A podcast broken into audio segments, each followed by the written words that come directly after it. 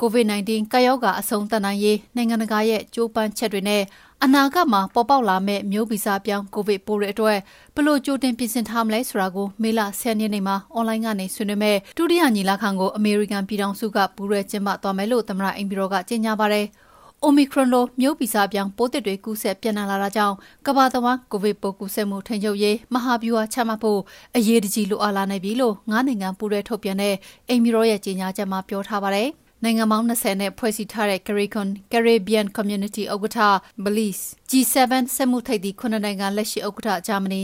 စက်မှုအင်အားကြီးနိုင်ငံ20 G20 လက်ရှိဥက္ကဋ္ဌအင်ဒိုနီးရှားအာဖရိကန်သမဂ္ဂဥက္ကဋ္ဌဆီနီဂေါတို့နဲ့အတူအမေရိကန်နိုင်ငံက